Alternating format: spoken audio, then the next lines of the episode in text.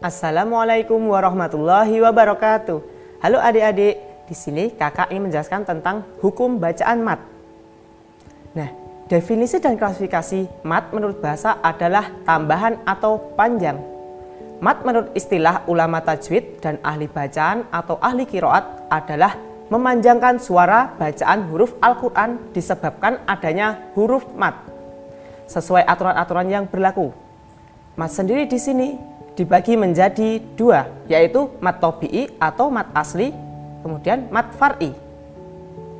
Mat tobi'i atau mat asli diberi nama mat tobi'i karena matnya berlaku sesuai tabiat aslinya, sehingga disebut juga dengan mat asli.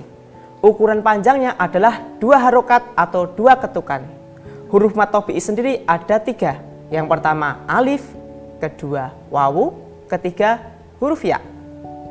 Contoh bacaan matobi'i adalah Kola Kulna Asyaitona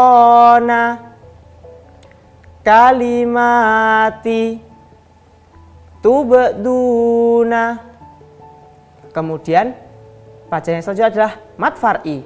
Mat far'i sendiri dibagi menjadi dua. Yang pertama mat wajib mutasil kemudian mat jais munfasil.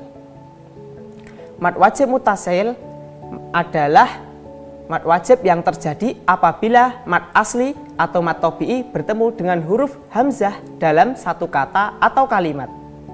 Cara membaca mat wajib mutasil adalah mat dipanjangkan menjadi enam harokat. Contoh bacaan mat wajib mutasil sendiri adalah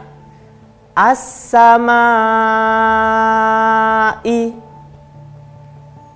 sawaun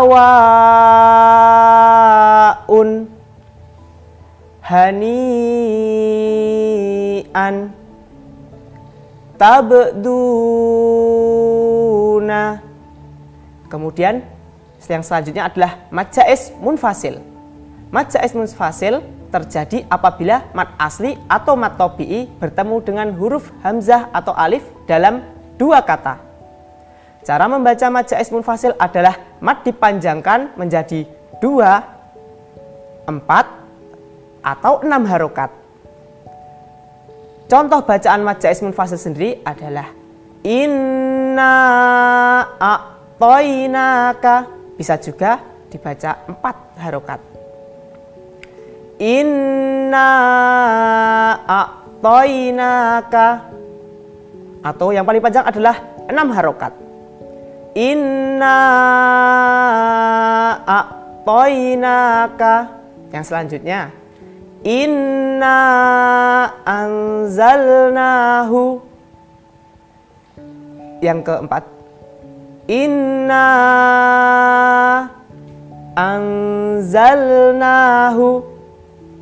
Kemudian wama adroka bisa juga wama adroka. Sekarang kita coba dengan empat ketukan. Wala antum. Nah, sekian penjelasan dari kakak. Sampai berjumpa lagi.